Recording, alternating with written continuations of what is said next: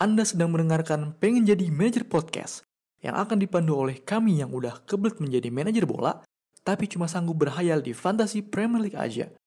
Di podcast ini, kami bakal ada argumen dan strategi biar ketahuan siapa yang paling ngerti bola dan jago main FPL.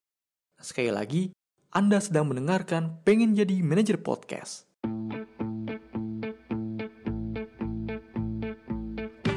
Halo, selamat datang di Pengen Jadi Manajer FPL Podcast by Figuran. Eh, akhirnya podcast Pengen Jadi Manajer FPL balik lagi nih setelah minggu lalu kita nggak rekaman, nggak ada episode yang kita upload di minggu lalu. Karena apa ya bang? Karena minggu lalu karena salah satu personil ketiduran mulu tiap ini. malam. iya, iya ya. Salah satu personil ketiduran terus. Sibuk enggak enggak enggak. Sibuk sibuk sibuk lagi hektik ya banyak pekerjaan kan. Sibuk. Iya, iya. Jangan gitu Sibuk Bang, lu mah. Sibuk di Pulau Kaktuk. Jangan gitu Bang. Kita Oh, kita iya. harus me- ini, menjaga citra Bang. Iya dong. Siap, siap, siap. Nggak boleh Sudah. gitu lah. Siap, siap, siap. Iya, jadi Ketiduran karena kecapean maksudnya. Iya benar selain Saking karena sibuknya. Iya karena jadwal padat selain itu juga kita agak bingung juga sih ngomongin apa kan minggu lalu karena kayaknya kalau tiap minggu ngomongin pemain rekomendasi bosen ya dan nggak bisa didengerin minggu berikutnya minggu berikutnya lagi gitu. Jadi nggak long lasting kontennya. Jadi Cuma per minggu doang. ah jadi mungkin dari minggu ini sampai minggu ke depan akan ada penyesuaian di konten-konten podcast kami. Dan ya mungkin dari segi jadwal juga akan ada perubahan. Nanti untuk infonya bisa langsung dilihat di Instagram kami aja di @pengenjadimanager. Hari ini di episode kali ini kita ada empat orang termasuk gua. Ada gua sendiri Ajam, ada Bambang, Hola, hola. ada Tiko dan Halo. ada Naufal.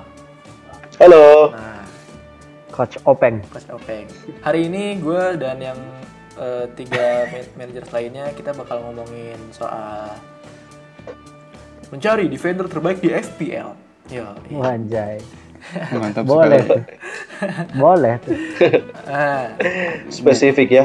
Ini rada ini sebenarnya rada rada males sih ini rada trik ini aja nih ngasih ngasih tema kayak begini kan. sebenarnya kenapa gue Milih defender tuh nggak gampang men. Iya, kenapa kenapa gue bikin topik mencari defender terbaik di FPL? Karena ini dari keresahan gue sendiri sih. Gue selama ini bingung gitu mau masukin defender siapa, mau ngeluarin siapa, siapa yang cocok, siapa yang poinnya tinggi. Karena kan jarang-jarang kan defender dapat poin tinggi, Jarang jarang banget yang lah. konsisten kan, ya kan. Nggak ada. Dari kebanyakan orang-orang lebih tertarik milih eh, pemain tengah midfielders yang bagus tuh siapa atau enggak forward yang bagus siapa. Nah, kali ini ngobrolin tentang defender yang yang cakep di FPL. Nah, pembahasan, pembahasan hari ini juga lumayan ini nih, lumayan sudah terstruktur ya dari awal sudah ada naskahnya. sudah ada Alhamdulillah. alhamdulillah. Ada arahnya ini ada Ada arahnya. arahnya. Udah ada Lebih ada terarah. Ya, kita kan bakal ngomongin defender terbaik FPL, mencari defender terbaik FPL eh, berdasarkan faktor-faktor yang yang sebenarnya ini bisa bisa didebat sih, karena buatan gue pribadi tanpa tanpa sumber dari mana pun ada empat faktor, ada tiga faktor ya di sini menurut gue yang bisa bisa jadi apa pertimbangan kalau dia tuh bisa jadi pendulang poin di FPL dari posisi defender. Langsung gua kasih tau aja kali ya tiga poin faktor yang harus diperhatikan ini. Yang pertama Yoi. itu Hmm. eh, persentase kemungkinan clean sheet, ya. Karena kan kita tahu sendiri defender kalau clean sheet dapat minimal 6 poin. Itu belum termasuk bonus ya kalau dia main cakep. Terus faktor kedua adalah kemungkinan dia ngasih assist. Biasa. Atau ngegolin. Ya, itu yang ketiga, Bang. Oh, itu yang ketiga. Yang ketiga. Ah, yang ketiga itu adalah kemungkinan dia bikin gol. Kita bahas dulu Goal back dari- 6 ya. Hmm? Goal back eh, poinnya 6 kan? Iya benar. Goal back. Mm-mm. Makanya kita eh, kita coba da, kita coba obrolin dari faktor pertama dulu nih, kemungkinan clean sheet. Gue nanya Bambang dulu, Bang, yang bikin Hai. yang bikin back ini bisa dapet clean sheet itu sebenarnya nentuin apa aja bang? Tandemnya, tandem di lini belakang. Mm. Seberapa kuat kiper Sama? sama lawan lawannya pastinya. Bagus sekali Bambang membaca naskah yang Bagus sudah saya sekali. kasih. Oh iya jelas dong.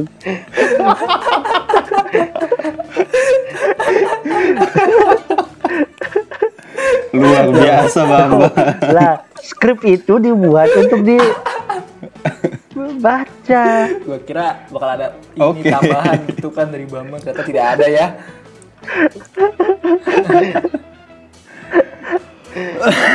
Aduh. Iya. Kalau dari Openg, Peng ada ada ini di lain nggak sih Peng? Ada lain Kalau- sih Peng? Kalau yang yang ditampilkan di skrip sih memang kayaknya semuanya sudah mencakup sih. Iya. Kiper jago, tandem bagus. Lawan muda. Iya, jelas lah. Tergantung. Ya udah. Udah. Ya udah. ya udah berarti berarti sepakat ya sama skrip yang gue buat nih kalau eh, kita pengen dapet back yang kemungkinan sheet tinggi berarti si back itu harus punya punya tandem yang bagus di sebelahnya misalnya Iya. dia, misalnya dia center back ya dia Iya. punya, punya center back lain yang bagus atau nggak punya back kanan kiri yang juga bagus terus kipernya juga jago banyak save atau mungkin ya banyak save lah ya dan yang terakhir lawannya relatif mudah jadi eh, kemungkinan buat kebobolan dikit ya Tapi kayaknya kalau untuk Liga Inggris lawan muda itu tidak menjadi alasan sebenarnya. iya benar Karena di Liga Karena di Liga papan, Inggris papan bawah bisa mengalahkan papan atas. iya. Hmm, Jadi sangat dinamis di Liga Inggris ini kalau dibilang lawan muda kayaknya tidak bisa dibilang muda juga sih. Karena soalnya selalu penuh kejutan. iya berarti untuk kemungkinan clean sheet ini sebenarnya agak susah dicari pemain yang bakal dapat clean sheet terus terus ya Iya, iya Susah benar. banget. Susah, susah. Kalau masalah clean sheet ya Mm-mm. sulit. Paling mainnya statistik aja sih yang paling sering clean sheet. kita lanjut ke faktor kedua ya daripada kelamaan nih takutnya lebih dari 15 menit nih konten podcastnya capek gua ngeditnya bro Openg nih gue mau nanya sama Openg kira-kira eh, defender kayak gimana Peng yang yang bisa dapat kemungkinan asisnya itu tinggi? Kemungkinan asis tinggi kalau melihat dari tren biasanya ya eh kalau bukan dari biasanya ya back back Liverpool atau back back eh, sekarang juga Chilwell dari Chelsea juga sering maju ke depan ngasih asis ataupun gol. Terus juga ada Kastanye biasa juga sering maju dan nyetak gol itu yang paling menjanjikan sih karena melihat hasil belakangan ini yang mereka buktikan lewat performa mereka ya, Kastanye Chilwell dan back Liverpool ya seperti Robertson itu sering ngasih assist atau gol lah.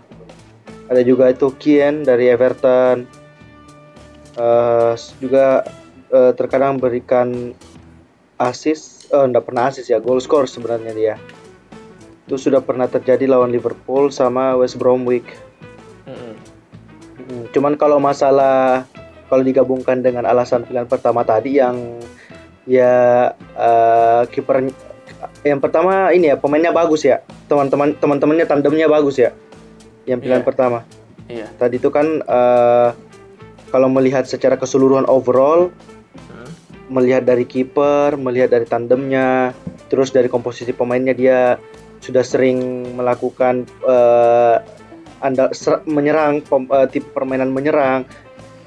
Dominannya sih sekarang kalau yang saya lihat sih yang progresif itu Chelsea. Kalau Chelsea. melihat dari kiper kan sudah sudah bukan eh, yang utama bukan dari Kepa lagi ya sekarang sudah main di terus dari deretan back-back dari Chelsea juga sudah lumayan mahal lah ya. Ada ada Zoma, ada Thiago Silva, ada uh, Rhys James, Aspilicueta, Christensen uh, Cuk Christensen sudah cukup cukup baiklah akhir-akhir ini melihat dari tiga pertandingan terakhir Chelsea baik di Liga Domestik maupun di Liga Champions.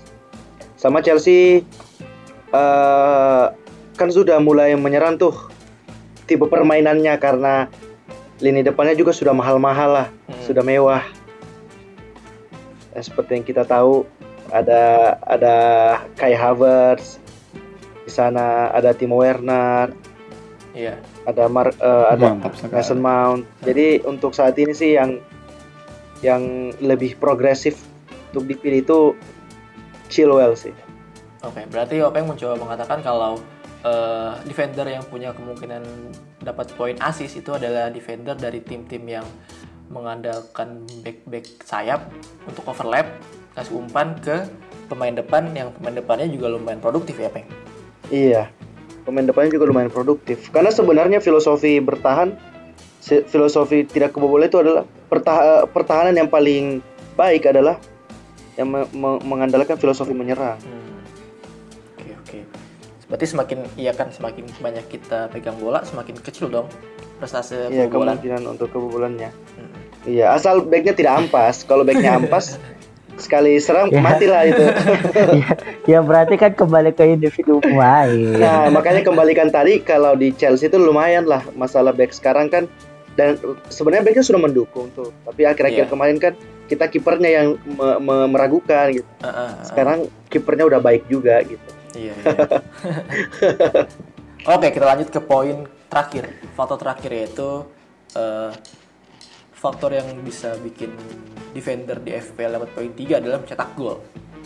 Gua mau naik Tiko nih di sini nih. Jadi gua bagi-bagi ya. Tadi Bambang clean sheet, Openg assist, Tiko gol.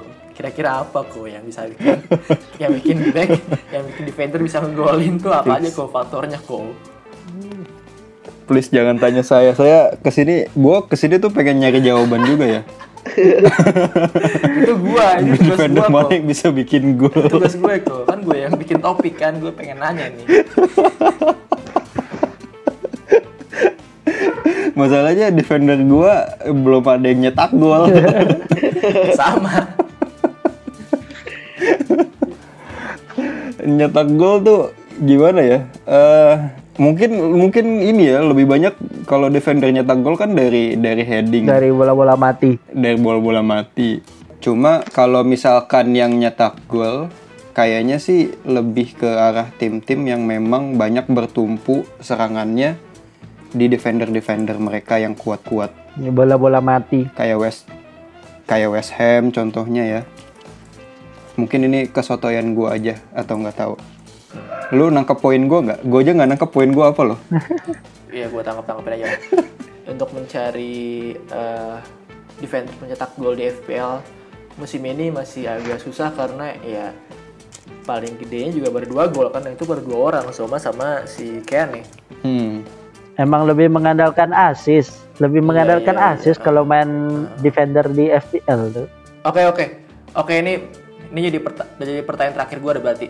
Eh dari kalian bertiga lebih milih lebih milih defender yang yang apa yang dia bisa ngasilin clean sheet lebih tinggi atau assist lebih tinggi atau gol lebih tinggi kalau tiga kan clean sheet ya Clean sheet clean sheet menuju assist. Assist assist assist nggak apa-apa lah. Maksudnya ketika lawan-lawannya memang bisa gitu kan. Tapi kalau kalau gol kayak bonus aja gitu, nggak berharap dapat dapat gol. kalau lo bang Dapat gol bonus kalau aja. lo, Yang Bang, penting clean lo sheet. lebih berharap eh, dapat poin tinggi dari back itu ketika dia clean sheet assist atau gol Gua assist sih.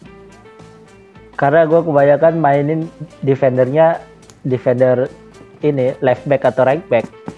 Yo, iya. Setuju sih. Jadi percaya, percaya sama assist, percaya sama crossing crossingan. sama sih kayak Bambang.